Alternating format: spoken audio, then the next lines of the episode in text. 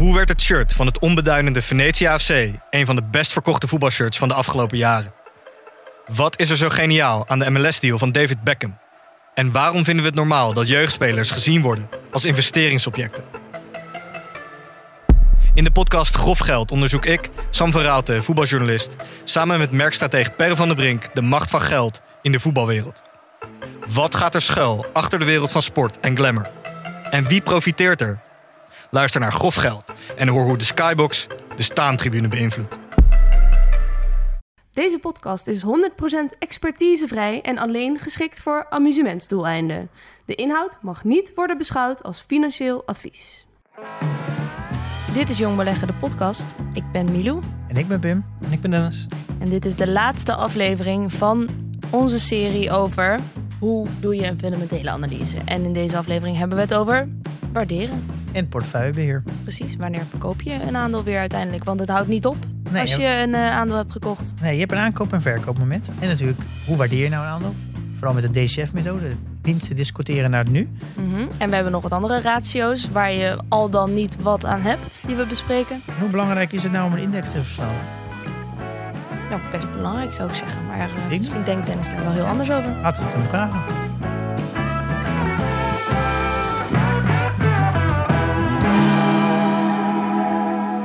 Gelijk een belangrijke vraag, eh, Dennis. Waarom is waarderen zo belangrijk? Ja, uite- uiteindelijk, kijk, je, je, je koopt iets eh, en je wil weten wat dat waard is. En je wil natuurlijk dingen kopen die meer waard zijn dan dat je ervoor betaalt. Dat, Ja. is, dat is echt de, de platgeslagen essentie Ja, van maar eh, wat is dan het verschil tussen eh, de koers en de waardering? eh, alles. Eh, de waardering is, eh, is wat het bedrijf zelf waard is. En eh, de prijs is wat de gek ervoor geeft. Dus eh, oh, eh, Warren Buffett heeft daar volgens mij een hele mooie quote over. eh, Price is what you pay, value is what you get. Ja. Dat een beetje het idee, het verschil tussen de koers en, en waardering. Ja, absoluut. En dan heb je ook nog de quote van, van Philip Fisher, hè, die we ook in eh, twee uitzendingen geleden geloof ik ook langs hebben gehad. The stock market is filled with individuals who know the price of everything but the value of nothing. Het is zo'n ander iets. En in, in praktijk, en dat merk je ook, hè, dat ehm, de meeste beleggers die al een tijdje bezig zijn, die, die, die snappen deze wel. Hè, die hebben dat allemaal wel een keertje gezien of, of gelezen. Ehm, maar wat je toch ziet, als we dan richting waarderen gaan, dan komen er in één keer allemaal metrics, ratio's om de hoek waar prijs in zit. Dus gaan we het hebben over de waarde van een bedrijf. En dan krijgen we in één keer koerswinst, koersboekwaarde, eh koersomzet, price earnings to growth. Allemaal prijs, prijs, prijs, prijs, prijs. Maar jij prijs. maakt dus nu gewoon even korte metten met al die ratio's. Ja. Nutteloos. Nee, niet nutteloos. Maar om te waarderen, ze, ze doen niet zoveel voor waarderen. Ja, omdat er namelijk al een koers in verwerkt zit. Ja. En daar heb je niks aan. Want jij wil helemaal niet weten. Jij kan zien wat, het, wat, de, wat de gek ervoor geeft. Maar dat is helemaal Ja. niet relevant voor jou. Kijk, de- de- die, die, ehm, ehm, het zijn nuttige eh, ratio's om naar te kijken, om, om ehm, jezelf vragen te stellen. Het is altijd het begin van, van een analyse. Maar het, kan bijna niet de conclusie zijn. Ik, ik snap inderdaad wel de gedachte dat als je dus een koers-winstverhouding. En dan kijk je natuurlijk naar de winst. En dan kijk je, de koers is wat ik er nu voor betaal. Dus dan weet ik hoeveel keer ik de winst ik betaal. Het is natuurlijk heel Ja. logisch. Maar ik, ik snap ook wel, ik, de logica snap ik heel goed. Maar jij Mhm. zegt dus eigenlijk. eh, het is natuurlijk ook makkelijk. Maar jij wil dus helemaal niet weten hoeveel keer de winst ik moet betalen. Want dat, dat, dat is gebaseerd op een prijs die, die helemaal niet relevant is. Want die is niet gebaseerd op de waarde van het bedrijf. Dus je wil eigenlijk, wat jij zo eigenlijk zou willen weten is eh, de waarde van het bedrijf, de fair value versus de winst. Ja, je, wil, je wil een, een, een waarde bepalen, eh, een getal, ehm, wat het bedrijf waard is. Ehm, en helemaal omdat als je zoekt naar iets wat eh, minder waard is dan, of meer waard is dan de prijs wat je ervoor moet betalen, dan ga je ergens geld verdienen. En op het moment dat je die prijs al in je vergelijking gaat stoppen, ehm, eh, in, in, in je ratio's, ja, het, ah, het zegt wel vaak iets over de korte termijn, het zegt ook vaak iets over het verleden. Ehm, er zit van alles in wat niet per se ehm, ertoe doet voor de waarde. En het is ook nog eens een keertje vaak gebaseerd op analistenverwachtingen. En als je precies doet wat iedereen al verwacht, ja, da- daar zit ook niet helemaal je toegevoegde Ja. waarde. zeg Wat vind je dan van het, de relatief waarderen? Dus een, eh, bijvoorbeeld de S&P is gemiddeld eh, een koerswinstverhouding van 25. Eh, nou, bijvoorbeeld Mastercard heeft een koerswinstverhouding van 22 en Visa van 20. Dan Mhm. zou je kunnen zeggen, ze zijn beide goedkoper dan het gemiddelde in de S&P. En Mastercard en Visa zijn enigszins met elkaar te vergelijken. Ehm, dus dan kan je zeggen, Visa is goedkoper dan Mastercard. Of vind je van niet? Nee, vind ik van niet. Kijk, wat je dan, wat je dan al doet, is, is eh, de aanname dat ehm, die metric die daar aan hangt, dat dat eh, waar is, dat het klopt is, dat het een goede weergave is, dat ze vergelijkbaar zijn. Kan je ook wel vraagtekens bij zetten. Ehm, het is bijna in een in ideale laboratoriumsituatie zou je het kunnen vergelijken, maar dat is het bijna niet. En, ehm, en de aanname dat, dat eh, een gemiddelde price earnings voor een bepaalde sector, dat dat dan klopt. ja, de, de- daar geloof ik niet in. En dan is los van dat, dat ik er niet in geloof, dat ik het niet gebruik. Je ziet ook gewoon bij, de, of de data-analyse, maar ook wetenschappelijk onderzoek toont ook gewoon aan dat dat soort, ehm, de verklarende waarde van al dat soort metrics, die is er bijna niet. Nee. Maar een heel klein eh, eh, deeltje verklaart, verklaart dat de, eh, de waarde van aandeel of je toekomstige rendement op beleggingen. Maar dan spreek je dus ook, dan gaat het dus ook over de koersboekhouding, enterprise value, slash EBIT en de koer, koersomzet en de pack ratio. Dat zeg je allemaal niet naar kijken. Niet bij de Geen, conclusie, geen conclusies aan Oh, dat verbinding. Geen conclusie. Want ik, ik, kijk, ehm, ik kijk er wat de, kijk, wat ik bijvoorbeeld wel, als het gewoon over de, de, de meest gebruikte, de price earnings, eh koers-winstverhouding.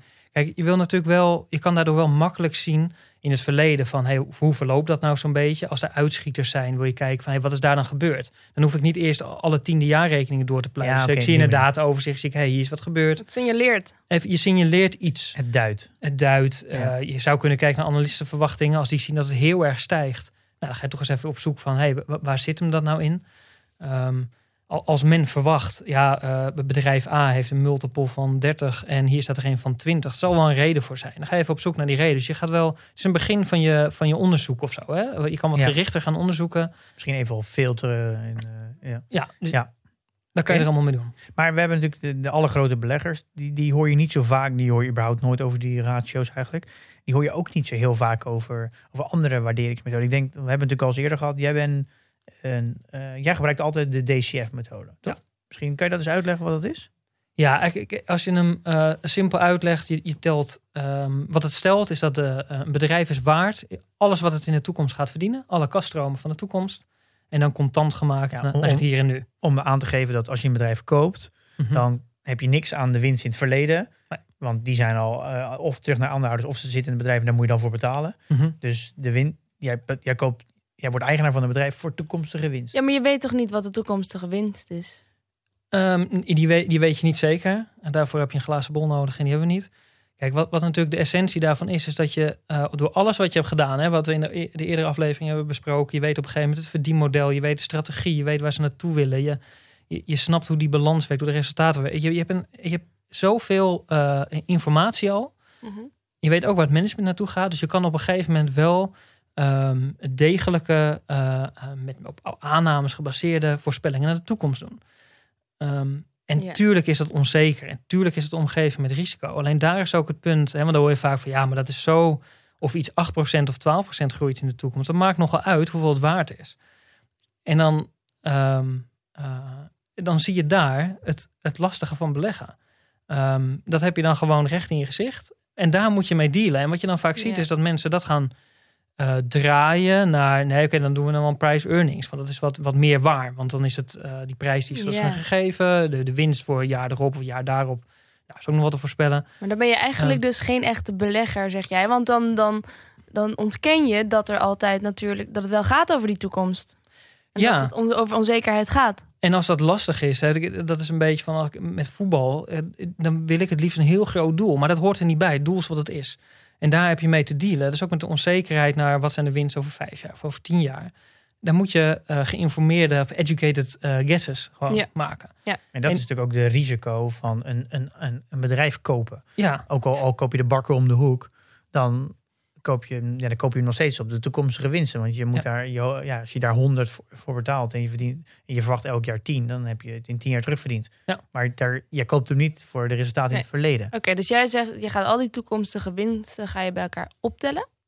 Eh, ja. Ja, je, je verdisconteert ze naar nu, zeg maar. Hè. Dan heb je nog eh, het, het punt dat geld in de toekomst minder waard is dan geld nu. Ja, Dus je, je- inflatie. Ja, ja, inflatie bijvoorbeeld. Maar het is ook als ik geld nu heb en dat nu kan investeren tegen 10% of, of 12% of wat je maar eh, eh, denkt te kunnen doen. Ja. Heb je het geld liever nu als ik het geld pas over drie of vier jaar krijg en dan pas kan investeren. ja.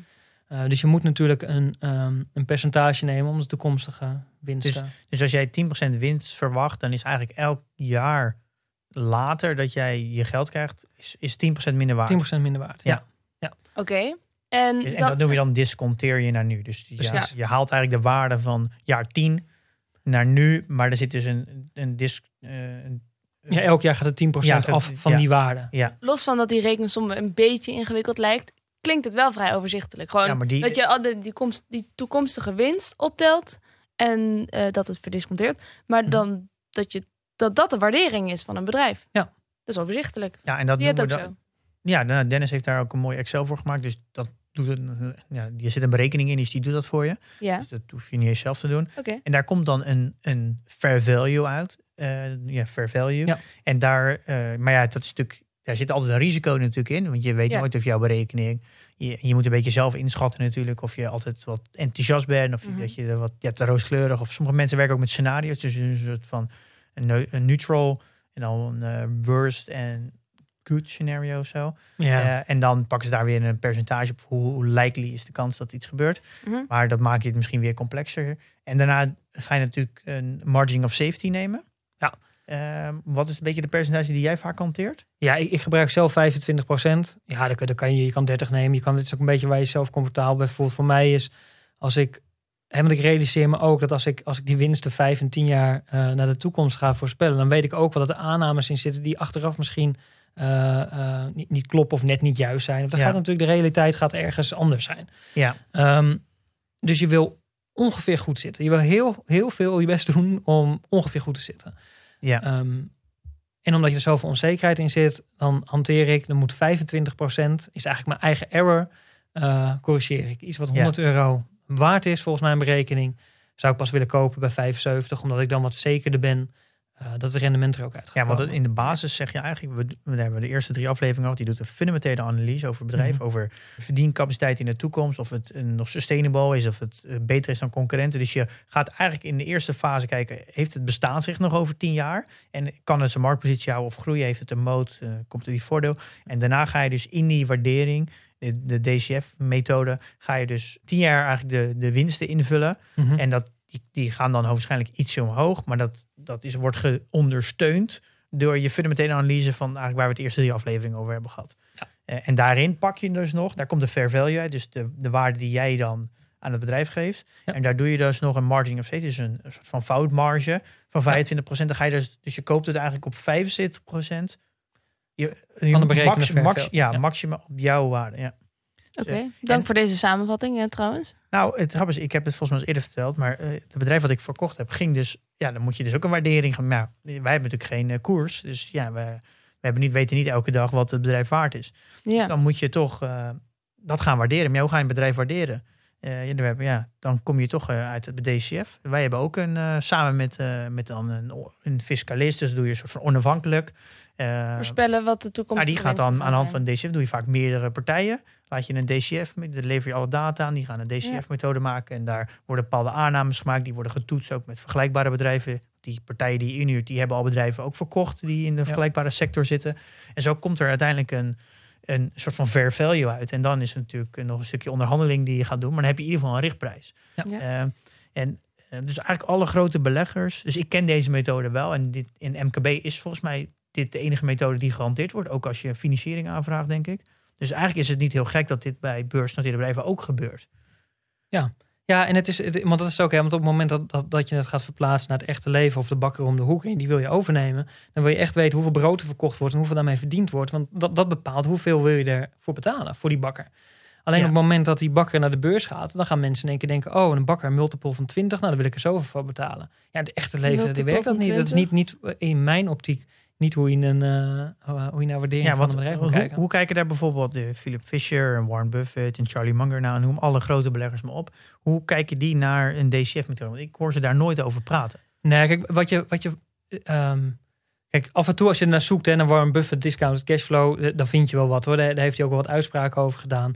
Maar dat zit natuurlijk niet heel erg op de voorgrond. Het is een vrij technische uitleg van hoe waardeer je nou een aandeel. En daar komt ook nog bij, hè, Warren Buffett zegt dat wel, hè, gewoon eh, eh, discount the future cashflows eh, tot eternity.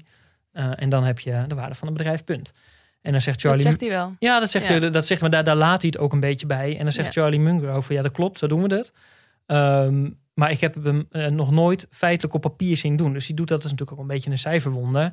En maar die doet dat in zijn hoofd. Dus die, maar ook, niet alleen omdat het, eh, ehm, nou, de calculatie niet, niet bijster ingewikkeld is. Maar ook omdat hij ongeveer goed wil zitten.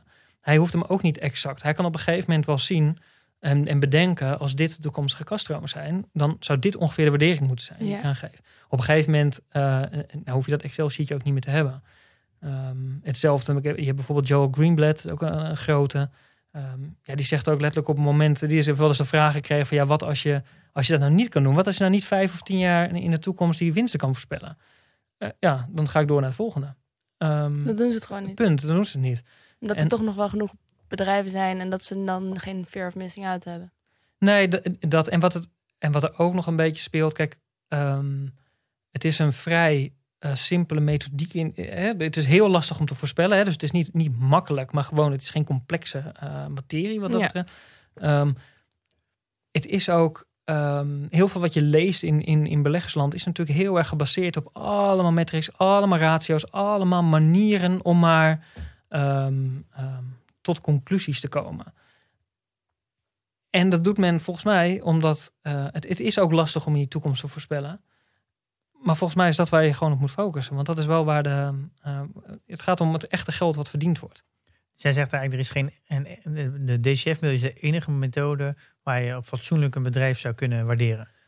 Ja, en wat ik niet zeg, kijk, overigens, als, als, als er beleggers zijn die op een andere wijze, zeg maar, goed aan hun rendement komen, vooral doen, zeg maar. Ik bedoel, ik, ja, als je een andere methode met allerlei ratio's hebt bedacht en die werkt en die werkt structureel, moet je het vooral doen. Ehm, en misschien kan je ook wel op, op, ik doe het niet, maar je kan misschien prijzen voorspellen of zo, hè, door allerlei eh, vergelijkingen te maken of van data gebruik te maken. Alleen als je het gewoon hebt over wat is een bedrijf waard, dan gaat het echt over hoeveel geld gaat het bedrijf verdienen. En die, die methode, die, die Excel, die, die kunnen we even delen, denk ik, in, eh, die jij gemaakt hebt in de show notes. Dan kunnen Ja. mensen daar zelf mee spelen. Het, het, het is wel, het- je moet wel heel erg zelfkritisch zijn, want je, Ja. je kan daar wel, het is wel heel verleidelijk om daar net even de percentages zo in te vullen dat het precies een baai wordt. Ja, en Excel kan je, kan je invullen wat je, wat je wil en dan, dan wordt het zomaar een buy, zeg maar. Dus je moet heel, daar heel kritisch in zijn en reëel. En eh, eh, ja, als je iets heel graag wil hebben, en, eh, dan- dan, dan kan je wel eens geneigd zijn om er net eventjes wat andere getallen in te vullen. Ja, want Maar daar heb je niks aan uiteindelijk. Nee, kijk, en je, hebt- je hebt natuurlijk wel, als je dat op een gegeven moment aan het monitoren bent en je houdt het regelmatig bij, eh, dan, ga je, dan moet je natuurlijk, je moet het wel een beetje fine-tunen elke keer. Alleen wat het wel heel erg biedt, is ook op het moment dat je ziet dat die winsten naar de toekomst toch wat af gaan zwakken, of de groei is, hè, de voorspelde groei wordt wat minder, dan zie je heel duidelijk ook waarom die waarde naar beneden gaat. En waarom waarschijnlijk ook die koers is gezakt. Als je denkt dat er een multiple, multiple voor bedrijf A van 20 reëel is en de koers zakt, ja, waarom zakt die? Omdat, omdat ze de multiple, klopt het dan niet meer of zo? Of, of eh, waar, dan tast je een beetje in het duister wat er nou echt gaande is. Ja, nou, ik- denk het fijne, daar kan me over zeggen, fijne aan waarderen is dus dat het moment dat jij je waardering doet en jij ziet dat het eh, al, gewoon gesta, het gaat volgens jouw waardering, dus je, elk jaar groeit het met het percentage wat je om en erbij voorspeld hebt, maar de Mhm. koers zakt in één keer 30%, maar, de, maar het bedrijf blijft gewoon ze- de- dezelfde verdiencapaciteit hebben en de, de, de free cashflow blijft hetzelfde, dan kan me voorstellen dat je dan veel rustiger er zit, want jij kan Ja. gewoon zien, ja, maar mijn waardering, mijn voorspelling is gewoon waar. Maar het sentiment op de beurs, die is even, die is even slecht nu. Dus, maar ik laat me daar niet door leiden. Want Je kan hoogstens een beetje bijkopen. ja, en ik kan me voorstellen als je die waardering dus niet doet. En, de, en het gaat 30 dan raak je in paniek. Ja, ga je op zijn minst heel erg afvragen wat er gebeurt, waarom het gebeurt. En, ja. dus en heb ik niet te veel betaald? Eh, Dat ook, heb ik niet te veel betaald. Of moet ik nu niet bijkopen omdat het lager staat? Ja. Ik koop het omdat het lager staat. Of ik koop bij omdat het omhoog gaat. Of dat zijn ehm, ehm, nou, in ieder geval geen argumenten die ik wil gebruiken om iets, iets te kopen of verkopen. Dus het, ge- het geeft wat, ru- wat rust. Ehm, En kan, kan je, zo- je de discounted cashflow zie je vooral bij waardebelegger. Kan je dit ook toepassen op in andere strategieën? Bijvoorbeeld eh, bij groeiaandelen die heel hard groeien nog geen winst maken? Ja, kijk, eh, wat je natuurlijk wel hebt. Kijk, op het moment dat, dat er een bedrijf is wat heel hard groeit, maar nog geen winst maakt, dan zit die winst zit natuurlijk verder in de toekomst. Dat wordt lastiger. Het is veel moeilijker om, om te voorspellen of een bedrijf over vier, vijf, zes jaar winst gaat maken en hoeveel dan. Maar ook daar eh, zie je weer rechtstreeks wat het effect is van bedrijven die nog geen winst maken, de winst pas in, in de toekomst gaan maken. daar zit een hoger risico aan. Meer onzekerheid, meer onduidelijkheid. En dat zie je gewoon terug op het moment dat je die waardering doet.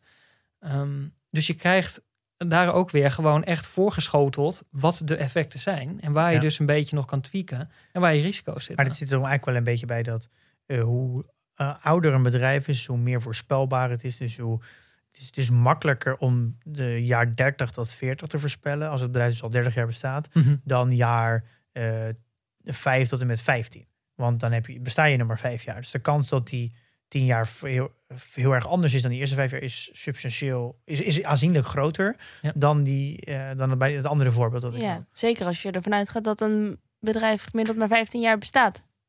Ja, maar die, die zou je überhaupt niet moeten hebben. hè? Nee, die moet je sowieso Ja, weg. maar de essentie blijft hetzelfde. Want als een bedrijf groeit, wil je natuurlijk ook, dan vind je het heel erg prima dat, dat je in het begin nog helemaal geen positieve cashflows hebt. Omdat je weet dat het in de toekomst wel goed gaat komen. En Maar ook dan wil je wel weten, hoeveel dan? Hoeveel ga ik nou verdienen omdat ik zo lang moet wachten? Maar er je gaan wel wel best wel, ook die hoort lees ik wel vaak. Als je dus als je alleen maar aandelen koopt met een DCF, dan had je dus nooit Amazon gekocht. Ehm, nou, ligt eraan. Als je, als je de kaststroom echt goed had voorspeld, had je het 100% zeker gekocht. Alleen het is, daar dacht natuurlijk ik in ieder geval heel veel met mij volgens mij van ja, zo hard kan het niet gaan groeien. Of zoveel extra fantasie zit er niet in. Dat is wel een beetje eh, waardoor men altijd dacht dat het duur was. Ik zelf ook. En ja, die hebben, die hebben eigenlijk altijd eh geoverdelivered in omzet, in winst, in kaststromen, in eh, de fantasie met de cloud. En kijk, als je natuurlijk tien jaar geleden had gekeken en je had die kaststromen perfect voorspeld, even direct hetzelfde dat dat eh, was gebeurd. Ja, dan was het dan een koop geweest. Dat, dat, dat was. Ja, maar ik kan me voorstellen dat het heel moeilijk, dat is heel moeilijk te voorspellen. Maar je kan, Tuurlijk. maar je kan, je, je kan zou wel een fundamentele analyse kunnen doen over de cultuur, hoe het bedrijf in elkaar zit en daar heel veel vertrouwen in hebben. En dan, maar even, Ja. want echte goede Ja. bedrijven, daar heb je niks aan een waardering. Want echte goede bedrijven die, eh, die blijven toch wel groeien.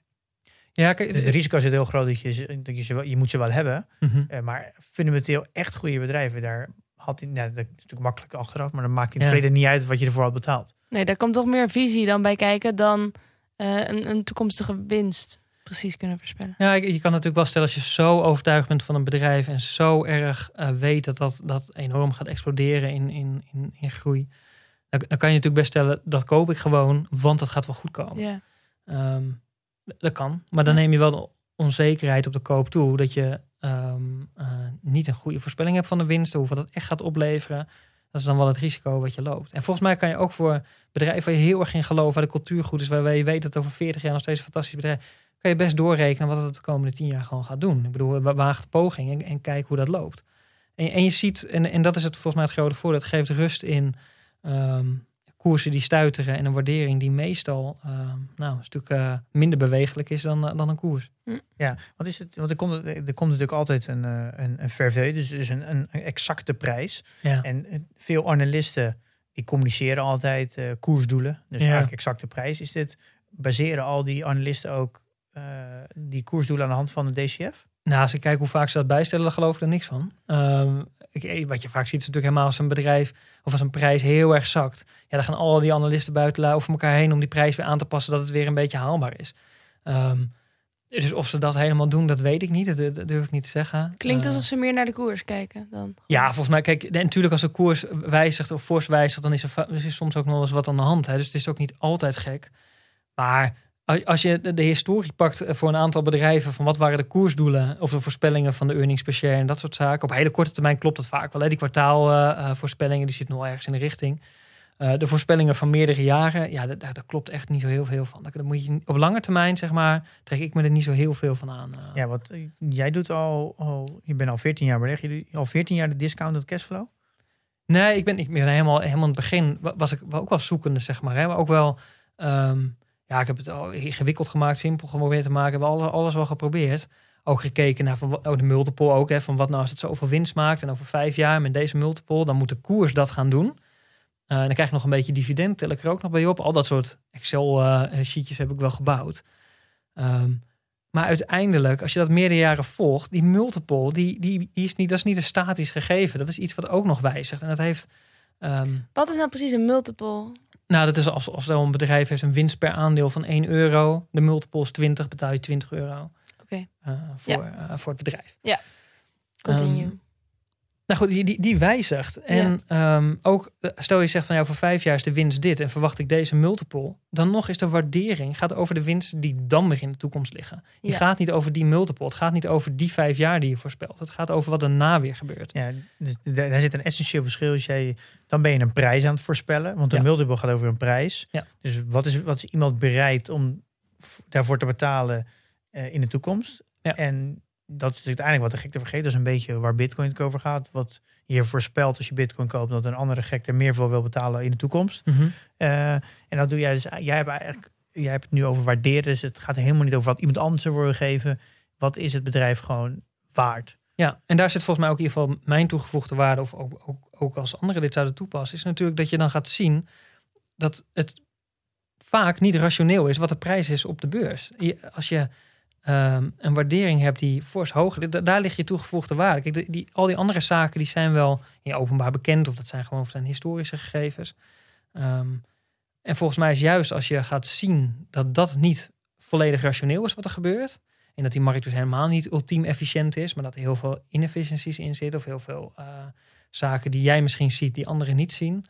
Ehm, ja, en daar zit je winst. Dat jij iets Ja. kan waarderen en een prijs ziet. En daar zit uite- verschil tussen. Uiteindelijk kan een computer natuurlijk niet voorspellen wat de winst van een bedrijf is de komende tien jaar. Dat doen uiteindelijk doen analisten dat. En, en, en een computer zou dat natuurlijk die, die, al die analistendata kunnen tot zich kunnen nemen, naar een gemiddelde van kunnen nemen, track record eh, hoger kunnen waarderen, bla bla bla. En dan krijg je uiteindelijk kan de, zou een computer een DCF kunnen invullen en dan komt daar een prijs uit. Maar uiteindelijk Mhm. blijft het dat er, eh, er mensen zijn geweest die een inschatting hebben gemaakt over de komende vijf en de komende tien jaar de winstgroei.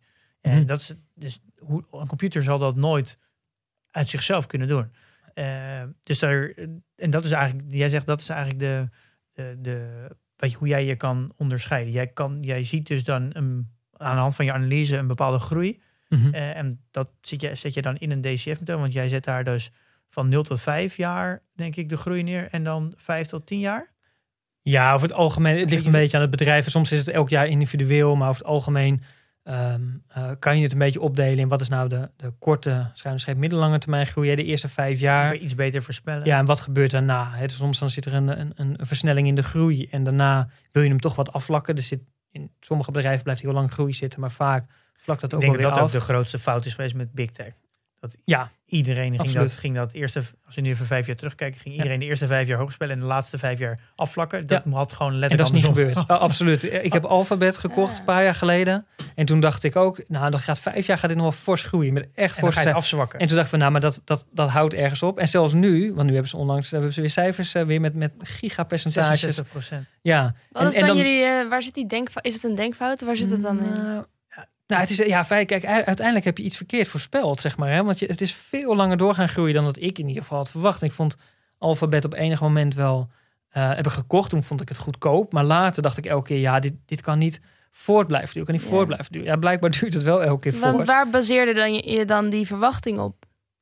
Nou, ik, ik, ik had bijvoorbeeld, kijk, in het geval van Google of de reclameinkomsten, op een gegeven moment, het is wel een beetje gebaseerd op, op een gegeven moment zit iedereen op dat internet en eh, is- is dat wel een, een, een basis iets. En dan zitten dan natuurlijk nog wel steeds reclames die verkocht moesten worden. Maar ik bedoel, internet, dat hadden we allemaal wel op een gegeven Ja. moment. Hè? Dat is, ehm, dus ik denk, nou, dat, dat moet gaan afvlakken. Ik kan niet zomaar eh, mijn rijk rekenen en tien jaar lang eh 30, 40 procent groei incalculeren. Dat zal ergens wel afvlakken. Bij Facebook heb ik hetzelfde gedacht. Ik ja, een gegeven moment zitten we op Facebook, de groei in gebruikers is niet zo groot meer. Ja, maar dat, dat, gaat wel afvlakken. Maar dat, dat, dat gebeurt, is niet gebeurd. Nee, Ja. maar dat, ik, ik heb van je een aantal eh, berekeningen van jou gezien van jouw holding. En ik zie dat, dat doe ik namelijk zelf ook. Dat ik Mhm. eigenlijk van de, altijd de laatste vijf jaar zijn altijd lager dan de eerste vijf jaar.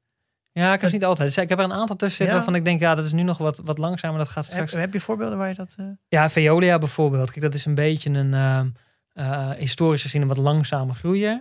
Ehm, maar die zitten heel erg op die hele recycle- en duurzaamheidsgedachte en schoon water en, en al dat soort zaken. Ja, ik geloof dat dat de eerste drie, vier jaar misschien nog wel... hebben ze nog het integreren van Suez dat ze hebben overgenomen. Dat gaat even duren. Vervolgens moeten ze heel erg investeren en, en klaarstomen voor dat echte de nieuwe eh, duurzaamheidsgedachte. Maar daar zitten ze wel heel erg op voorgesorteerd.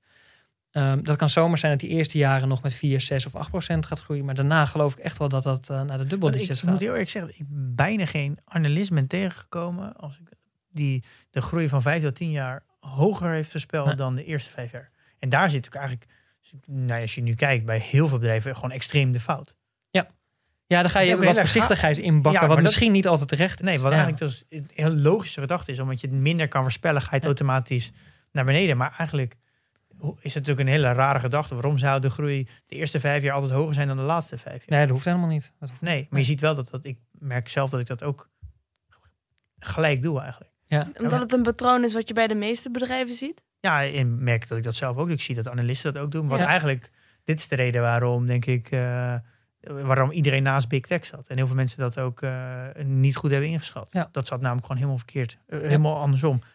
Wat vul je nog meer in? in want je hebt dan even de, Mhm. de, de groeipercentages. Want je begint eigenlijk met het, de free cashflow van dat, van dat jaar, waar, Mhm. dus dit jaar vul je in. En dan ga je dus de groeipercentages een beetje voorspellen. Ja. Ehm, vul je nog andere dingen in? Zoals jouw margin of Mhm. safety hebben we over gehad. Dus 25% bij jou. Heb je nog andere dingen? Ja, kijk, je bent aan het eind, eh, wat ik doe is 10 jaar voorspellen. Je kan ervoor kiezen om, om 8 te doen of, of 20. Dat is wat je wil. 10 vind ik redelijk, omdat alles wat daarna valt, dat wordt al veel minder waard. Omdat je het hè, contant maakt naar nu. Ja. Eh, dus dat, dat gaat er wat naar beneden. En je hebt gewoon een, een, je hebt een financiële formule eigenlijk om een soort van eh, eh, de cashflow in de oneindigheid te berekenen. Hè. Dus dan neem je eigenlijk jaar 11 als het ware. Ehm, eh, dan maak je een soort waarde tot in eternity. Dus dan zeg je van, nou oké, ik denk dat tot in de oneindigheid bijvoorbeeld de groei eh 2% blijft. Dat houdt de inflatie bij bijvoorbeeld. Of je doet 3%, dan houdt het de economische groei bij. Dus dan, daar maak je hem wel conservatief. Ehm, en dan zeg je, dat is dan de waarde dan. Dat zijn de, alle kaststromen die vanaf dan nog gegenereerd worden tot het oneindige. En het oneindige, dat klinkt natuurlijk, dat is heel ver. Maar omdat je het verdisconteert naar het nu... ehm, nou, is eigenlijk, eigenlijk alles wat het oneindige raakt, dat is eh, een waarde van net niks. Ja, dat heeft bijna geen En dat effect. heeft geen effect. Dus op een gegeven moment moet je hem gaan afkappen en moet je gewoon een, een terminal value noemen ze dat hè, van je waardering. Dus het, Ja. een soort eindwaarde neerzetten. Dus wat je daar doet is gewoon een formule voor. Daar hoeven we nu volgens mij niet bij stil te staan. Of, ik klik in die show notes even op Ja, kan je eh, zelf mee spelen. kan je zelf ja. mee spelen. En, maar goed, dat is in ieder geval die formule die, eh, die bepaalt wat... Maar jij vindt toch ook als dat doen in de community delen heel veel mensen Mhm. een, een analyse. Ja. En dat doen ze en dan sluiten ze altijd af met de, de Excel die jij ook beschikbaar hebt gesteld. En dat, dat is natuurlijk heel interessant, want het gaat uiteindelijk natuurlijk niet om de fair value die eruit komt, maar de, het grappige, mensen vragen natuurlijk altijd om de reactie van kan je kijken naar mijn analyse en mijn DCF eh, om te kijken of ben je het eens met de aannames die ik heb gemaakt. Want daar zit, Dat het- is het, Daar ja. zit de discussie natuurlijk. Hè? En daar zit ook het verschil dat sommige mensen zeggen dit vind ik een, vind ik de aanname vind ik te hoog. Ja. En daardoor als je dat aanpast, daardoor is het dus geen interessante belegging, maar iemand Ja. die ziet dat wel. Daar, daar zit ook precies de discussie, toch? Ja, ja absoluut. Het is, het is, het is bijna geen eh, financiële analyse meer. Het is, bijna, geen- het is allemaal op die aannames van hoe reëel is die groei? Kunnen ze dat wel investeren? En dan krijg je de kritische vraag in die community ook van... Huh, maar ze hebben dat afgelopen jaren niet gedaan, zoveel groeien. Waarom denk je dat nu wel gebeurt? Ja. Of eh, ja, zo, zo kan je natuurlijk het gesprek voeren. En, en dan ga je hem, zou je hem samen kunnen gaan bijslijpen tot iets wat reëler is. Maar dit maakt, ik denk in beleg juist, juist vind ik heel interessant, omdat je gaat, je gaat ook fantaseren, nadenken over hoe gaat de toekomst eruit zien. Ja. En hoe, hoe past dat bedrijf dan in dat toekomstbeeld? En dat is, ja, dat, dat is natuurlijk, ja, vind ik dat, dat is leuk om daarover na te denken. En je bent een beetje aan het romantiseren natuurlijk ook. Je bent aan het nadenken over de toekomst. Dat zijn altijd leuke dingen, denk ik. Ja. Eh, dat maakt denk ik ook beleggen interessant. En denk ook waarom iedereen zou kunnen beleggen. Omdat namelijk niemand heeft een glazen bol. Dus of je nou econoom bent, arts, of je bent gewoon eh, nou, vakken, Simpel. vakkenvuller. Mhm. Eh, Wacht, ik zei simpel toevallig maar net, maar dat wil ik niet vakkenvullen simpel maken. Ik wou simpel journalistje zeggen. Oh. Maar goed, jij zei vakkenvullen, dat is ook goed. ja, dus als je student bent en je bent vakkenvuller, het maakt niet uit eigenlijk wat je beroep is. Want het gaat erom, ja, hoe, hoe kan jij nadenken over de toekomst? Ja. Hoe kun je het zien? Eh, eh, dus dat maakt denk ik beleggen ook interessant. En daardoor ook Mhm. voor iedereen toegankelijk. Daarom kan ook iedereen een goede belegger zijn. Ja, absoluut. Eh, Als je dit kan, en, of kan, of in ieder geval probeert te beheersen en daar een, een goede educated guess kan maken over die toekomst, ja, dan, ehm, dan kan je Ja. beleggen. Ja, ik, maar ik, ik nog, nog één nog kritische die noot dat ik wel altijd hoor dat, dat bijvoorbeeld ASML, dat is al tien jaar duur in Nederland. Ja.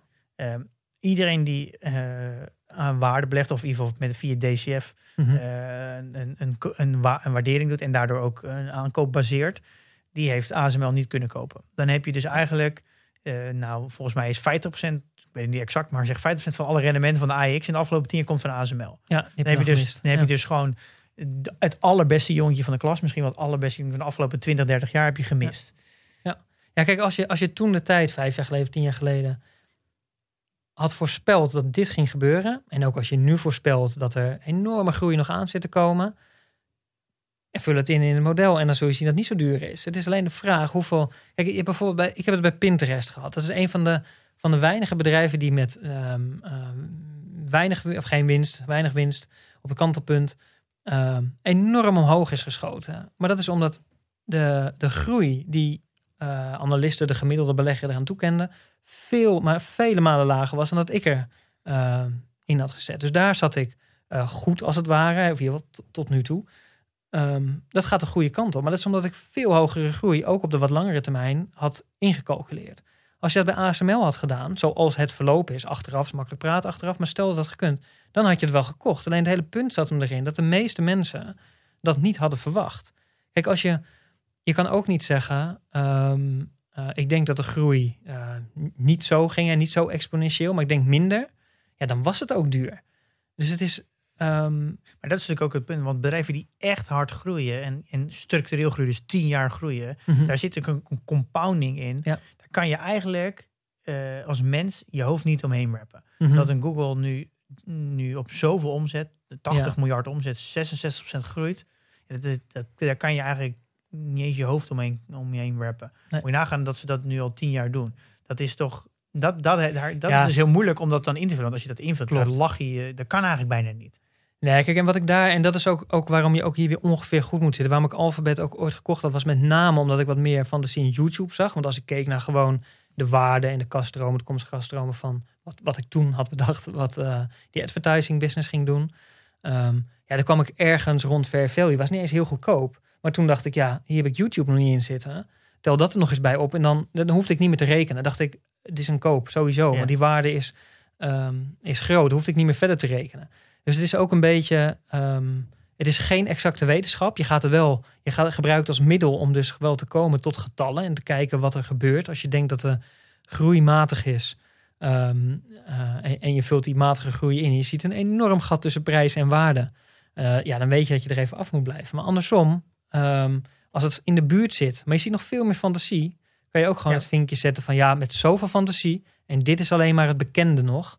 ehm, dan wil ik erin stappen. Ja, dus eigenlijk je zeggen dat, dat echt goede bedrijven zoals zijn Apple, Microsoft en eh, Facebook die eigenlijk nog zo, want ja, als Apple nieuwe oortjes uitbrengt, dan verdienen ze meer dan, dan heel Spotify en Netflix bij elkaar. Mhm. Dus als die een nieuw product uitbrengen wat succesvol is, dan daar, je weet niet eens wat het gaat zijn, want dat is dan niet Ja, aangekondigd. weten we nog niet. Nee. Maar als je dus Apple op fair value kan kopen, Mhm. dan zou je dat bijvoorbeeld ook kunnen doen, omdat je er de upside, er zit nog zoveel fantasie in en dus eh, zoveel onbenut potentieel nog. Ja. Dus Je, je wil er alleen niet te veel voor betalen, maar als je een goede prijs voor betaalt, is het ook een goede deal. Ja, zo zou je het kunnen doen. Zeg Ja. maar. ja. Dus doe je dat ook wel eens? Dat je dus eigenlijk je margin of safety een soort van vergeet als, het- als het een collectief heel goed bedrijf is? Nou, kijk, wat ik dan nog niet eens doe, is mijn margin of safety echt vergeten. Alleen dan, dan zie ik dat het niet heel duur is. Dat ergens om en nabij die fair value is.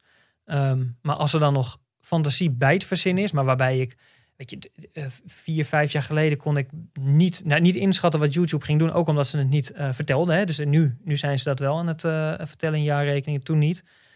Alleen toen dacht ik wel, als dat nu nog geen winst maakt, als daar nu nog niet heel veel geld uitkomt, dat, dat gaat gebeuren. Dat, dat moet een cash cow worden. Dus dan, ehm, als je weet dat de prijs nu redelijk is, maar er zit fantasie in en dat gaat geld opleveren, ja, dan hoef ik niet meer verder te rekenen. Dan, Ja. dan, is, dan, dan ben ik wel klaar met rekenen. Ja. Dan weet ik dat ik niet te veel betaal Dat en er is- zit fantasie Dat in. is vooral belangrijk. Je, wil, je Ja. weet dat je niet te veel betaalt. En dat is uiteindelijk... eh, de- Dus goede business, je hele analyse op orde. Je bent echt overtuigd van het bedrijf. En dan wil je niet te veel betalen. En je wil een gevoel hebben bij hoeveel groei moet er nou nog in zitten om die prijs ook. Ja, eh, Dat is ook een beetje het verschil waar tussen Warren Buffett en Charlie Munger toen dat Warren Buffett zei ik wil het heel goedkoop een oké bedrijf en Charlie Munger zei doe maar gewoon een heel goed bedrijf voor een goede prijs. Ja, Precies. Een beetje ja oké ja.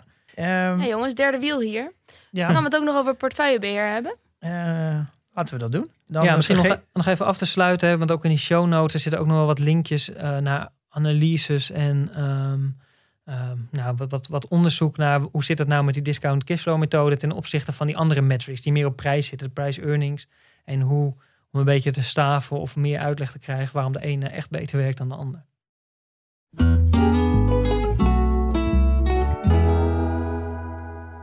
Waarom past portefeuillebeheer nog bij het onderwerp hoe doe ik een fundamentele analyse eigenlijk? Ja, je, je hebt natuurlijk uh, op enig moment na al je analyse, je op een gegeven moment heb je een aandeel gekocht. Um, en dan heb je een aantal aandelen, dus je hebt een portefeuille. Dan wil je ook gaan monitoren, is alles wat ik bedacht heb, klopt dat ook door de tijd heen? Hè? Gaat het ook precies of ongeveer zoals ik voorspeld heb? En een uh, fundamentele analyse stopt niet bij het aangeschaft hebben van een aandeel. Nee, kijk, vaak ja, krijg je dan nieuwsberichten komen, kan je het veel sneller plaatsen. Het kost niet zo heel veel tijd meer. Um, maar je wil het wel een beetje gevoel houden met, gaat het nog de goede kant op? En dan kan er natuurlijk ook een moment komen dat, het, uh, dat de prijs dusdanig hoog is dat je een verkoop gaat overwegen. Ik bedoel, kopen is belangrijk, maar verkopen is, is, is niet heel onbelangrijk. Um, dus je, je, wil kijken hoe het met het bedrijf gaat. Die je hebt. Je bent eigenaar ervan. Dus, de uh, voorspelling van de winst. En elke keer als er nieuwe cijfers komen, ga je kijken of jouw voorspelling nog enigszins in de buurt zit. Ja. Als je daar heel erg na zit en veel in de koers zakt, dan weet je ook wel hoe het komt. Ja. Uh, en als de, de voorspelling juist is, maar de koers zakt, dan heeft, weet je wat het sentiment is. Ja. Uh, en als het uiteindelijk in de buurt komt, het loopt veel te hard vooruit. Uh, en dus het sentiment slaat dus positief door. Mm -hmm. Dan zit je, komt er dus misschien ruim boven je fair value. En dan zeg je, dit is nu niet meer reëel. nu ga ik het afromen of verkopen als je een andere opportunity ziet. Ja, kijk, dan is het nog niet eens zozeer of je precies hebt voorspeld dat als er 1 euro winst is voorspeld, dat ze ook die 1 euro halen. Het is vooral van wat is dan weer, dan weer de voorspelling naar de toekomst. Hè? Zien ze nog steeds dezelfde groei? Of het is wel, je past elke keer je lange termijn perspectief pas je aan. Dat is de reden uh, waarom de koers heel erg reageert op Outlook. Ja, precies, precies dat. Dat is waar, waar je nieuwe waarde weer zit. Het kan best zijn dat ze één jaar toch een tegenvaller hebben, dat je het niet had verwacht. Maar als het lange termijn perspectief gewoon intact blijft, doet dat voor de koers en de waarde uiteindelijk niet dat, zo heel dat veel. Dat is dus heel grappig. Dat, dan, dan, heel veel mensen in de community die zeggen altijd: hoe kan het nou zijn dat, dat het koers zo hard naar beneden gaat als Ja. de cijfers fantastisch waren? En ik, ik heb nu ondertussen wel door dat eh, het maakt eigenlijk niet zoveel uit wat de cijfers nu zijn. Nee. Ehm, maar het gaat altijd over die outlook. En dat is altijd een mini-regeltje ergens ver verstopt in het persbericht. Eh, en bij ASML kijken ze altijd naar het orderboek. Ja. Eh, zolang het orderboek gevuld is, dan gaat, gaat de aandeel omhoog, ongeacht wat het resultaat is. Mhm. Maar nu bij Facebook volgens mij, die, uh, uh, die hebben laatst, het laatste kwartaalcijfers een hele goede cijfers gepresenteerd. Mhm. Maar de outlook ging volgens mij iets naar beneden, Ja. omdat het onzeker was over privacy en van de iOS en zo. En daardoor ging de koers naar beneden. Ja. Dus het zit, maar dat komt er dan door, omdat namelijk alle analisten en zo, iedereen, dus die outlook daardoor gaat weer gaat heraanpassen in der, in de discounted cashflow. Ja. En daardoor een andere fair value uitkomt en daardoor de koers iets zakt.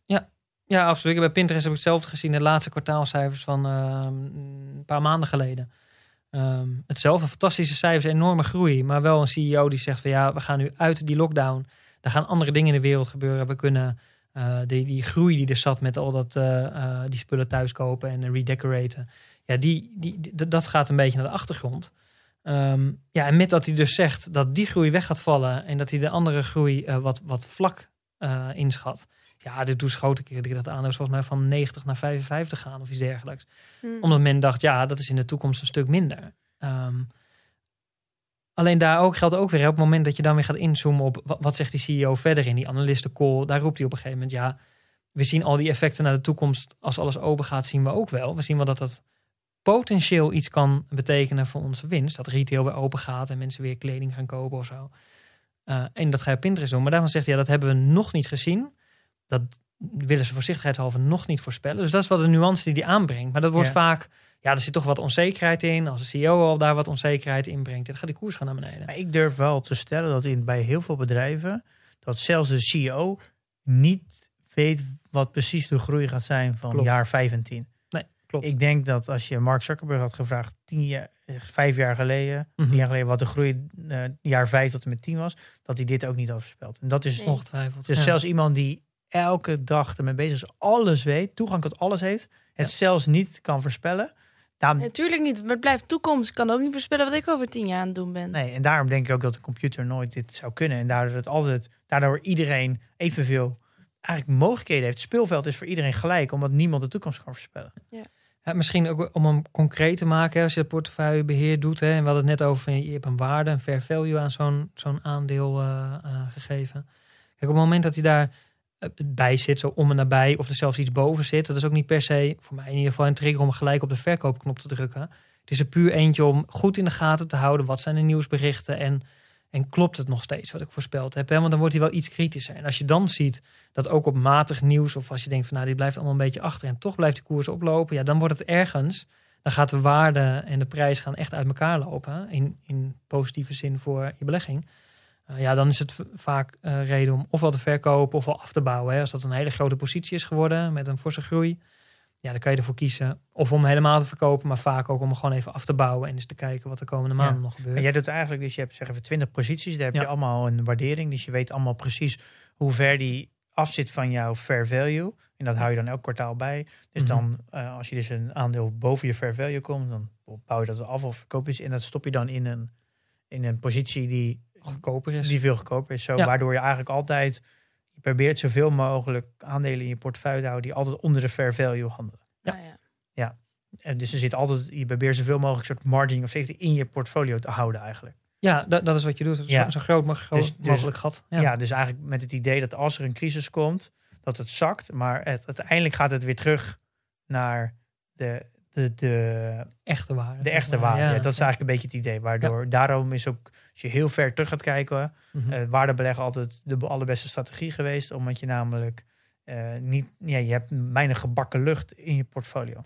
Ja, en, het, en, het, en wat, Mm. het helpt ook heel erg voor mij, maar ik denk ook voor anderen, om je echt te focussen op bedrijfsnieuws en wat dat doet voor de waardering. En niet op de koers die je elke dag ziet op het bord. En daarom Want zeggen die ze, ja, zeggen Koers ze zit geen informatie in. Echt gooi die, telefoon, gooi die app van je telefoon, kijk niet Ja. naar de koers, want het is niet relevant. Kijk naar het bedrijf. Ja. Precies, dat is een beetje de uitspraak van goede coaches die, die letten op het speelveld eh, en niet op het scorebord. Ja, En dat ja. is waar je je keuzes eh, moet Ehm, maken. en nog misschien als laatste, je portfolio performance. Hoe ga je er nou mee om dat als je een, als jonge belegger een, tegen twee jaar niet de index verslaat?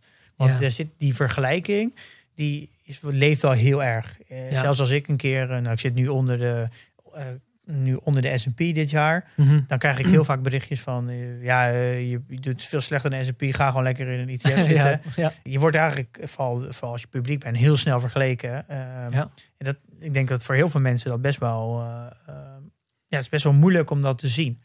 Ja, kijk, en ik, ik, kijk, de meeste, en, en zoals ik ook en jij ook, je hebt een beperkt aantal posities. Dus die, die benchmark die ga je toch niet precies volgen. Er gaan gewoon uitslagen zijn. Je kan het niet elk jaar, jaar in jaar uit verslaan. Je wilt het wel zoveel mogelijk natuurlijk. Alleen, volgens mij is het vooral zaak dat je je niet eh, constant erop focust. Weet je, het is niet je uiteindelijke doel. Even los van als je op lange termijn nooit je benchmark verslaat. ehm, ja, dan zou je gewoon misschien wel voor moeten kiezen om gewoon een ETF. En wat is voor eh, jou dan lange termijn? ja, ligt er een beetje aan. Kijk, ik denk dat als je. Dat is ook nog, hè, als je er heel veel plezier aan beleeft, als het een beetje hobbymatig wordt, als je nog inspiratie eruit haalt, mooie bedrijven, CEO's beluisteren, ehm, ja, moet je dan altijd de benchmark verslaan? Of als je het beter doet dan een spaarrekening, is het ook goed. Is ook een afweging. Ja, nee, je kan, ja, Ehm, je kan je lat zelf bepalen. Ja, je kan je lat zelf bepalen. En, en tuurlijk, puur op financiële gronden eh, eh, versla je de ETF, de S&P 500, niet eh, elk jaar. Ja, misschien moet je dan gewoon de ETF kopen. Dan zou je kunnen zeggen, aan Kan andere kant... iedereen aanraden, overigens. Ja, en, de, en ook als je het helemaal niet, eh, niet interessant genoeg vindt, of je vindt het echt gewoon elke keer weer huiswerk maken om naar die bedrijven te kijken, ja, koop gewoon een ETF, er is niks mis mee. Ehm, maar als je net begint, je moet het ook even een paar jaar, denk ik, eh, oefenen, leren, grote missers vooral wel voorkomen. Maar als je steeds net niet die S&P haalt, ja, nou ja, dan heb je het een paar jaar niet. Eh, Ja. Ik zou me daar niet altijd druk over maken. En vooral ook niet om eh, het is ook een beetje voor je eigen gemoedstoestand. Hè? Constant alleen maar kijken naar wat doet de S&P, wat doe ik. Sommigen doen het op maandbasis, weekbasis of zelfs dagbasis zie ik langskomen. Ja, dat is echt dat is verspilde moeite. Oké. Ehm, Hmm. Dus het geeft, eh, geeft de luisteraar hoop. Gewoon lekker vijf jaartjes lekker eh, rommelen. En dan conclusie Geen grote fouten maken, hoorde Ja, ik geen overigens ook. geen grote fout. Doe het ook met hè, alle, alle tips die al langs gaan. Niet met eh, geld wat je niet kan Ja. missen. Ja. Eh, zorg dat je, weet je, de- maar dat is in alle andere afleveringen al geweest. Die, die blijven Ja, enorm belangrijk. En inderdaad, als je er geen trek in hebt of je denkt van ja, dit, dit gaat me allemaal te ver. Koop een ETF, niks mis mee. is ook een mooie quote van eh, John Bogle. Dat is Ja. toch de, de founder van? Ja, voor mij wel de grondlegger van Vanguard. Ja. Van Vanguard, en, ja. en de, de bedenker van Don't de look ETF. for the needle in the haystack, just buy the haystack. Ja, ook omdat, en dat is het ook, het is ook goed om je te realiseren dat de meeste particuliere beleggers, net zoals de prof- professionals, de markt niet verslaan. Dat is een handje vol. En als je eenmaal veel gaat handelen en heel erg de race gaat houden om zoveel mogelijk rendementen te halen in kort mogelijke tijd, ehm, ja, dan, dan zijn het schrikbarende percentages van eh, beleggers die verliezen of het slechter doen dan de Ja, benchmark. maar als je deze vier afleveringen hebt geluisterd, dan, dan geldt dat niet voor degene die nu luistert. natuurlijk niet. Exact. Alle jonge Daarom. beleggers en alle luisteraars die zijn natuurlijk veel beter Ja. dan de rest. Wauw. nou, we zijn volgens mij eh, op het einde gekomen. Mhm, ik heb wel nog één laatste vraag voor Dennis. Wat is het leukste of in het meest interessante bedrijf dat momenteel op je watchlist staat? Waar je een beetje waarderingjes op los aan het laten bent. Ja, ik, ik, vind ehm, eh, de treinenwereld, zeg maar. Dus dat is Alstom en um, hoe heet het, Stadler, volgens mij. Treinen. Eh, dat is eh Zweeds. Of, eh, Zwitsers, Zwitsers. Zwitsers. En nou, ik, vind- dat vind ik helemaal naar de toekomst zo super interessant. Ehm, ik- maar zit ik nog niet, ben ik niet helemaal door, zeg maar. Ik vind het nog wel... Ik ben nog wel een beetje aan het puzzelen van hoe zit dat nou allemaal precies. Maar Maar wel heel interessant. Maar Stadsler, die, die fixt een beetje alle problemen. Elke trein die besteld wordt door Nederland, wat niet uit Zwitserland komt, mag uiteindelijk eh, opnieuw geleverd worden door. Ja. Het is toch de meest Mm. betrouwbare trein in de wereld. Ik heb, ja, daarom zeg ik, zo specifiek zit er niet in. Maar ik vind alleen die bedrijven, vooral Alstom ook, omdat die, eh, die hebben grote overname gedaan. Ze zijn echt heel groot geworden. Daar zie ik nog wel een grote schaal voor. Waar komt dat vandaan? Ehm, dat is Frans uit mijn hoofd. Mhm. En jij vindt het zo interessant omdat we straks alles met trein gaan doen in plaats van met vliegtuig. Nou, er zit wel heel veel potentie. Zeg Ja. maar ook als je weer heel veel. Ik merk dat heel veel focus leg ik op die duurzaamheidsgedachte. Niet per se eh, dat het bedrijf aan zich als core business duurzaamheid heeft, maar wel eh, de neveneffecten ervan of het eh, Ja. soort van eh, unieke wat ze eraan toe kunnen voegen. Eh, dus ja, die vind ik interessant. Maar nogmaals, heb ik nog geen conclusies analyse. Maar ik vind het gewoon wel, wel eh, heel interessant om te kijken. Ja. Dennis, heel veel dank voor je komst en voor al je expertise. Heel graag gedaan. We hebben ervan genoten. Ik in ieder geval wel en Pim volgens mij een hoop van geleerd. Altijd leuk om eh, Dennis weer eh, erbij te hebben. Nou ja, dus tot zover onze eh, zomerserie over de fundamentele analyse. In september zijn we weer helemaal terug met reguliere afleveringen, maar vooral veel afleveringen met gasten. Ehm, ik zou zeggen, lieve luisteraar, laat je verrassen, want dat gaan we zeker doen. En eh, in de tussentijd investeer in je kennis en beleg met beleid.